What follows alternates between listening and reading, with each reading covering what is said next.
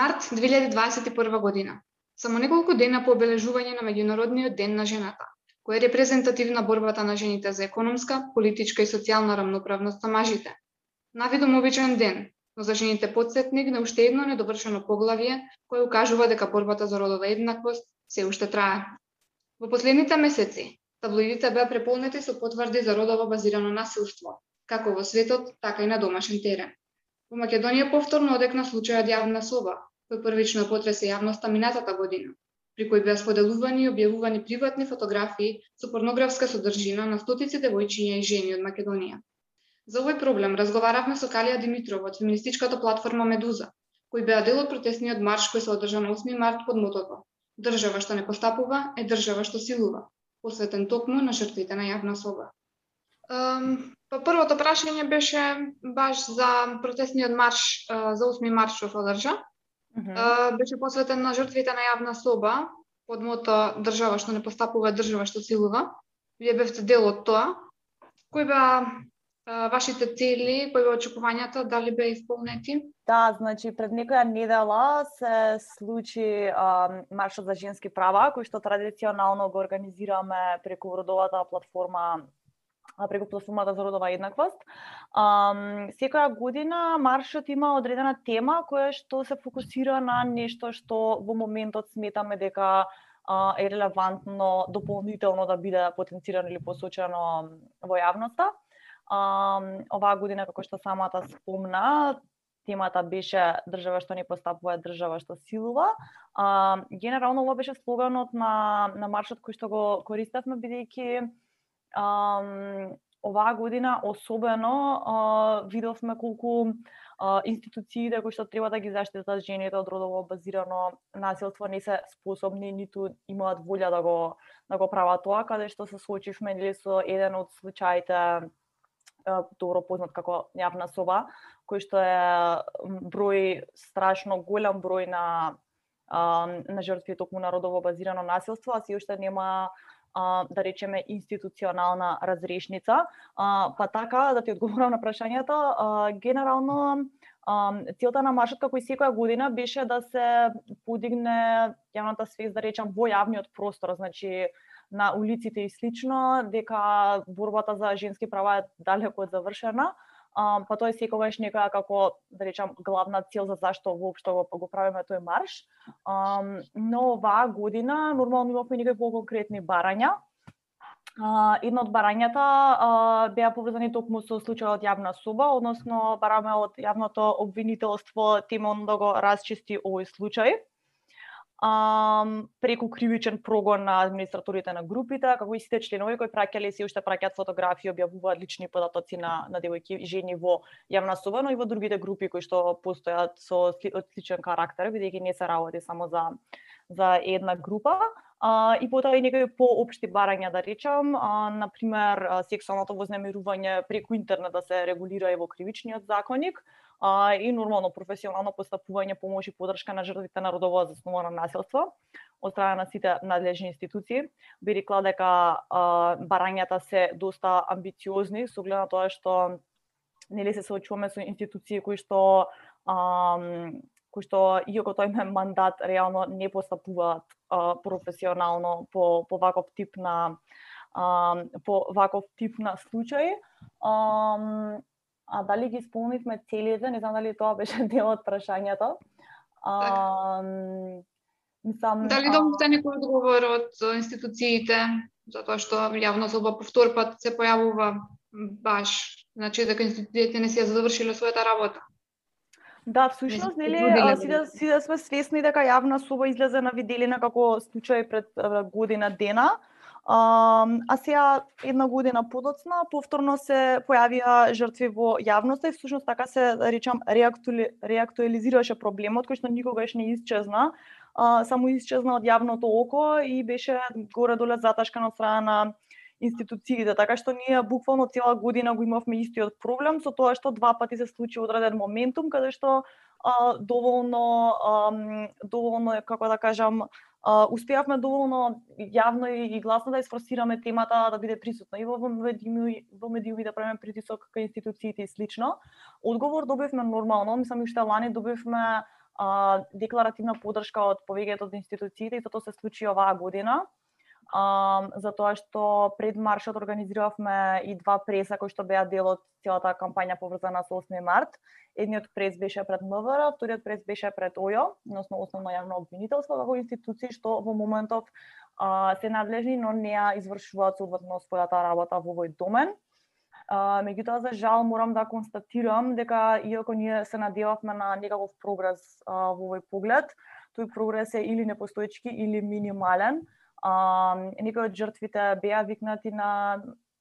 на некој а, на искази во обвинителство и слично, меѓутоа тоа е нешто што требаше да се случува уште пред година дена или пред месеци, така да што тоа се толку минимални чекори и толку стандарден дел од нивната работа што едноставно не може да се да се поздрави кога знаеме дека има стотици жртви и многу од нив кои пријавиле по нивните случаи не се постапува. Така што не можам да ги поздравам институциите или да кажам дека гледам некој позитивен а, или било каков напредок а тоа што можам да го кажам е дека очигледно дека за ваквите случаи мора константно да се прави јавен притисок а, и мора едноставно да се форсира оваа тема и да им се едноставно да им се посочува постојано дека не ја вршат работата за да направат било какво чекор, а тоа е многу а, тоа е многу како да кажам погубно и тажно затоа што тоа се луѓе кои се платени за тоа да го прават, така што не треба некој друг да им кажува дека треба или како треба да си ја работат работата. Дали мислите дека токму нефункционалноста на институциите е една од причините зашто а, многу од жртвите на родово базирано насилство а, доцна ја пријавуваат а, доцна ко пријавуваат а, например доцна пријавуваат а, дека се жртви на насилство или злословување и слично, или пак и воопшто не, не пријавува. Дали мислите дека токму нефункционалноста на институциите се е причината зошто е тоа така? А, мислам дека а, одговорот на ова прашање е доста комплексен и нормално дека непостапувањето и непрофесионалноста на институциите е еден дел од мозаикот а, на непријавувањето на насилството. Во Македонија од прилика процентот на жени кои што пријавиле родово заснувано насилство од страна на интимен партнер или било каков партнер е горе доле 2%, така што тоа е таа страшна бројка со која што всушност ние работиме, значи само 2% од тие случаи се пријавени, а дури за тие 2% не се постапува професионално како што треба. Така што нормално дека институциите треба да водат едноставно треба да да ја вода таа обштествена промена, да не само кога се пријавува тие да постапуваат како што треба, туку треба да направат мал милион работи за да ги потекнат жртвите да пријавуваат насилство. А институциите тоа не го прават. А, а тоа во комбинација со едноставно културата во која што а, живееме, традициите со кои што а, растеме, образованието како што го имаме во моментот, а, и сите други информации кои што ги добиваме и кои што ни ги градат нашите родови идентитети, нашите карактери и слично, многу често ни овозможуваат да превземеме некаква акција а, кога особено кога се, се работи за ваков тип на, на теми кои што се Um, за жал си уште табу и си уште главниот наратив во јавноста со кој што се соочуваме е двојната виктимизација која што им се случува на повеќето жртви од родово засновано насилство, а особено а, сексуално насилство. Меѓутоа, не ви кажала дека А, ово исто така наратив со доцна доцното пријавување стана доста популарен периодов заради случајот во Србија кој што го следевме со актерката Милина Радулови, која што како и многу често што се случува после многу години се ухрабри да го пријави да го пријави својот случај со сексуално насилство. А, па дел од критиките беа дека едноставно um, многу касно пријавува, да пријавила порано може би ќе заштитела други жртви, uh, бидејќи нели после неа истапија и други девојки дека од истиот човек uh, биле биле жртви на истиот тој човек. Um, ова е повторно ставање на непотребен uh, и нехуман товар на, на страна на жртвата, луѓето кои што се има соочено со ваков тип на траума, знаат колку е тешко уште да прифатиш дека си жртва и воопшто да прифатиш дека таква таков вид на травма ти си има а, случајно. А, податоците покажуваат исто така дека жртвите или најчесто не, не кажуваат никому за, за ваков тип на, на траума, или кажуваат на најблиските, на не знам, пријатели, на семејството и слично, многу ретко ја истапуваат во институциите. А, така што а, тоа едноставно сакам да го пратам како порака дека никогаш не е доцна да се пријави и колку и да поминало време институциите мора да се должна професионалност и сериозност да работат на одредениот случај, а јавното да не си дозволува да прави двојна виктимизација преку обвинување на жртвата дека касно пријавила. Um, баш сега кога го начнавме ова, um, еден од начините на, на насилство, нели психичкото насилство, колку се жените свесни дека се психички малтретирани, колку обштеството влијае врз формирање на, на еден таков менталитет, дали култура, вера, националност, патриархално воспитување, колку се тоа влијае врз формирање баш на таков менталитет и затоа жените да се навикнати да трпат и да не се ни свесни дури дека се психички малтретирани. Um... Да го формулирав. да, да, го разбирам прашањето, а, верувам дека немам одговор, а, затоа што веројатно а, и само така кој што велиш психичкото насилство е дефинитивно најтешко да се идентификува. Мислам дека меѓутоа а, Мислам дека човекот знае кога некој го повредува на, на некој инстинктивно ниво, на, на емотивно, на, на некој најдлабоко ниво, uh, знаеш кога некој ти нанесува травма, знаеш кога некој ти се заканува или те уценува или користи твои слабости против тебе, така што мислам дека не, не е можно да не си свесен кога некој ти го прави тоа, особено партнер, дали во брачна, во вумбрачна заедница и слично, бидејќи тоа е најчестата форма на на, на психичко насилство со кое што се соочуваат жените. Um, меѓутоа, um, веројатно е многу тешко да се да се артикулира тоа како насилство, да се препознае како како такво и како нешто што um, што не не треба нели да да биде да биде прифатено или да биде трпено. А меѓутоа културолошки а, дефинитивно а, жените во средини како нашата се научени да бидат а, субмисивни. Голем дел од нашите народни поговорки па и песнички и слично кои што се се уште дел од формалниот образовен систем а, не учат дека една од нашите улоги како а, жени е да ги скрутуваме и да ги трпиме мажите околу нас. А, мислам дека таа улога е толку длабоко вградена во нашите а, како да кажам, во нашата општествена идеја за што тоа една жена треба да биде или како треба да се однесува, што мислам дека за жал многу често се прифаќа насилството, особено психичко. Мислам дека не се работи само за психичко насилство, и други типови на насилство се прифаќаат. Исто така многу често сексуалното насилство во врски или во брак не се смета за сексуално насилство, особено нели силување и слично, бидејќи доаѓа од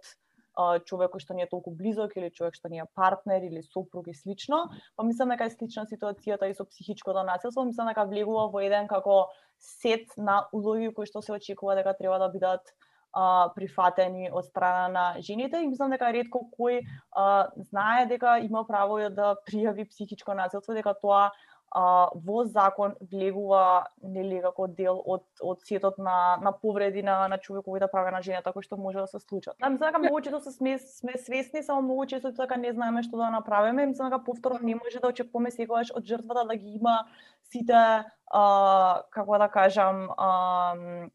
као to have her things together, затоа што едноставно институциите не ни праќаат пораки што треба да правиме. Јас А, знам за многу случаи кои што нас не пишуваат на Медуза во, во инбокс и, и слично, кај што буквално дури да сакаат, тие не знаат каде да пријават насилство. И тоа не кажува дека жртвите не се доволно информирани, туку тоа кажува дека никој на никаков начин не им ја праќа информацијата дека некој стои зад нив и дека тоа насилство може да се пријави. А, така што Да, мислам дека тоа исто така нешто што што мора да се да се спомне кога зборуваме за за непријавување, за доцно пријавување, за непрепознавање на насилство, дека има и луѓе кои што се одговорни таа информација да дојде до вистинските луѓе. Дали откако започна пандемијата, пораките кои што ги добивате, односно луѓето кои што пријавуваат за родово базирано насилство си има зголемено од ваше лично искуство? Um, лани кога почна пандемијата и кога почна нели целиот тој процес на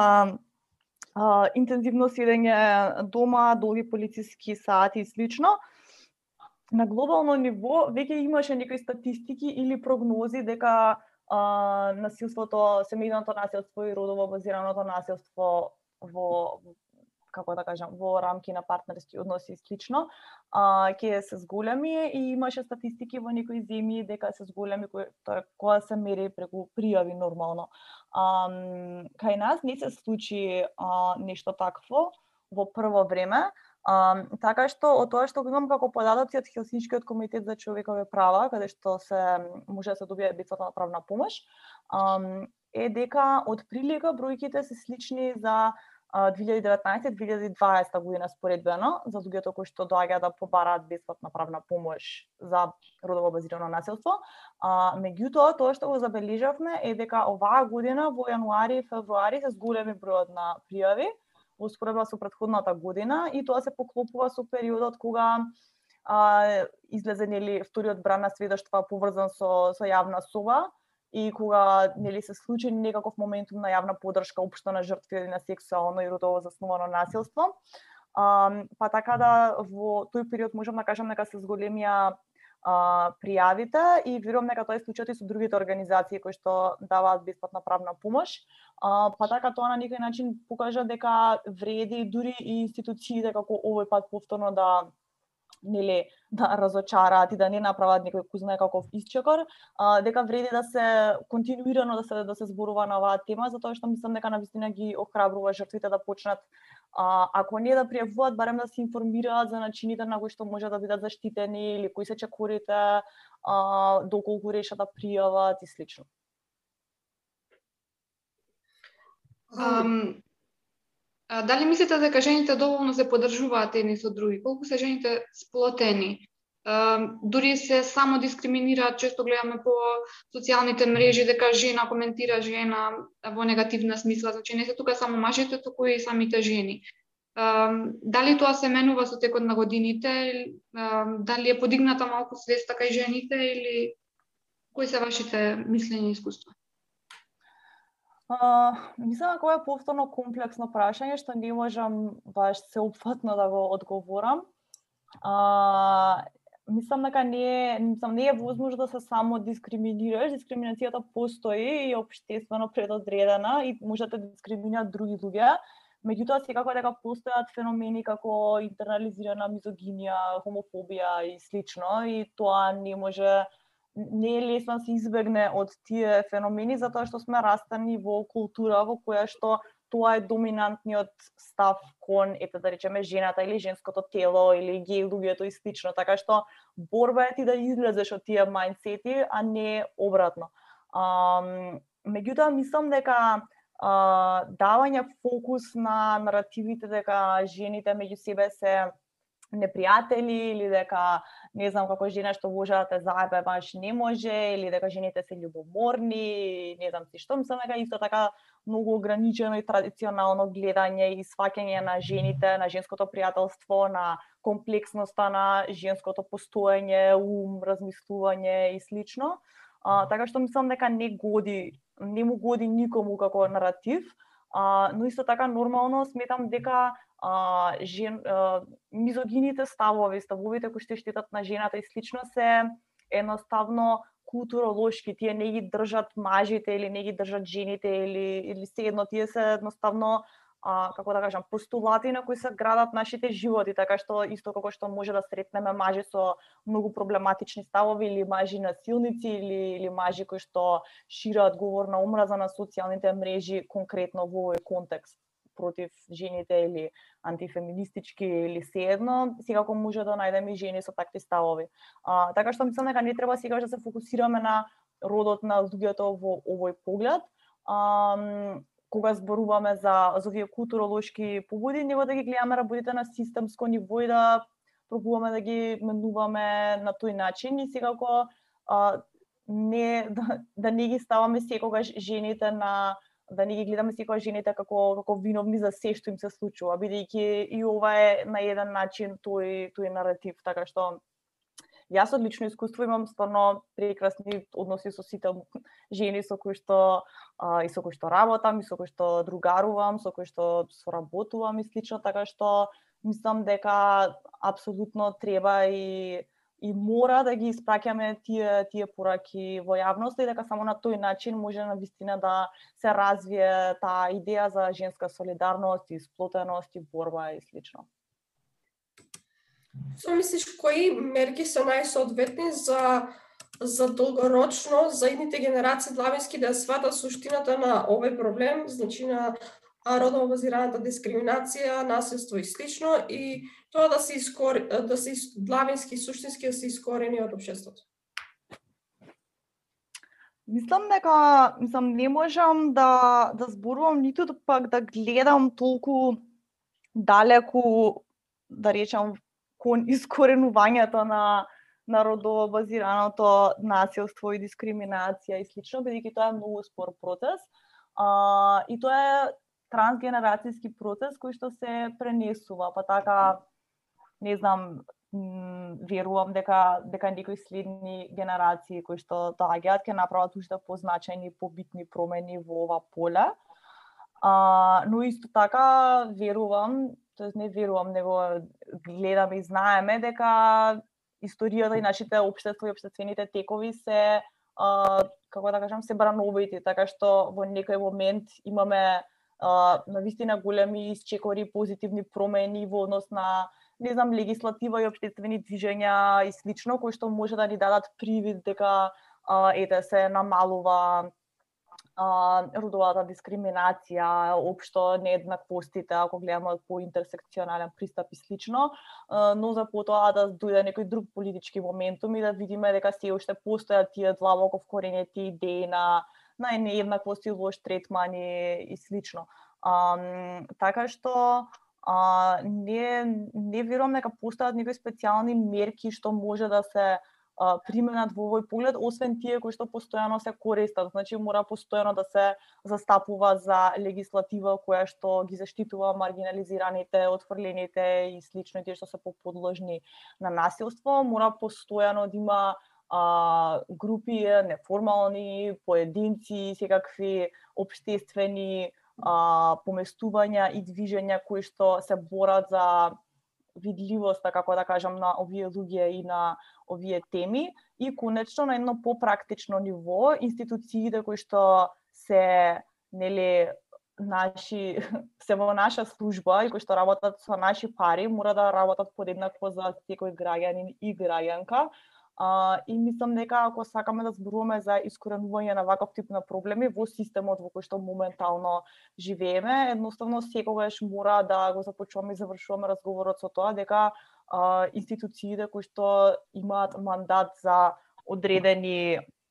а, како да кажам, за одредени проблематики дека мора да постапуваат професионално а, и без нели нивни лични идеи кои што некоја се заснуваат на дискриминација, ете на пример дека одреден тип на девојка можеби требало да биде силувана и полицијата нема што да направи во врска со тоа. А, значи едноставно тоа во моментов живееме во а, во таков општествен моментум и за тоа се нели фокусираме доколку може да се прават промени во тој поглед. А, но кога зборуваме за по-долгорочно, едноставно се станува збор за комплицирани обштествени текови кои што мора, како што кажав, трансгенерацијски да се носат. И за крај, што планира Медуза понатаму? Дали имате спланирано некои нови активности? Па Медуза ќе си продолжи со своите моментални активности, затоа што главната цел на Медуза е постојано да ги ам, да ги да ги посочува наративите кои што обично и односно порано недостасувале а, во јавниот простор. А, оваа година повеќе се фокусиравме и на а, и на застапување, организирање и во и во јавниот простор и слично, тоа е ад хок и тоа секако ќе продолжиме а, да го правиме кога едноставно ќе ќе увидиме дека постои тематика во која што а, можеме да допринесеме и да правиме да направиме некоја општествена промена. Се мислиме ние да почнеме подкаст, така да тоа е така нешто што може веќе ќе се случи со Медуза оваа година, така што продолжуваме да работиме за феминизмот и женските права. Алија, ти благодариме за твоето гостување во нашиот подкаст. За нас беше огромно задоволство што ја прифати нашата покана и ги сподели твоите видувања на една толку важна тема како што е родово базираното насилство и дискриминација. А на вас, драги слушатели, ви благодариме за вашето внимание и не заборавајте дека сите заедно со заеднички сили можеме полесно и побрзо да придонесеме за намалувањето на родово базираното насилство и дискриминација со кои, за жал, Поголемиот дел од жените во нашето општество се соочуваат на ваков или онаков начин. На крај, ве оставаме со еден краток цитат од Франсис Рајт. Еднаквоста е душата на слободата. Сушност, не постои слобода без еднаквост.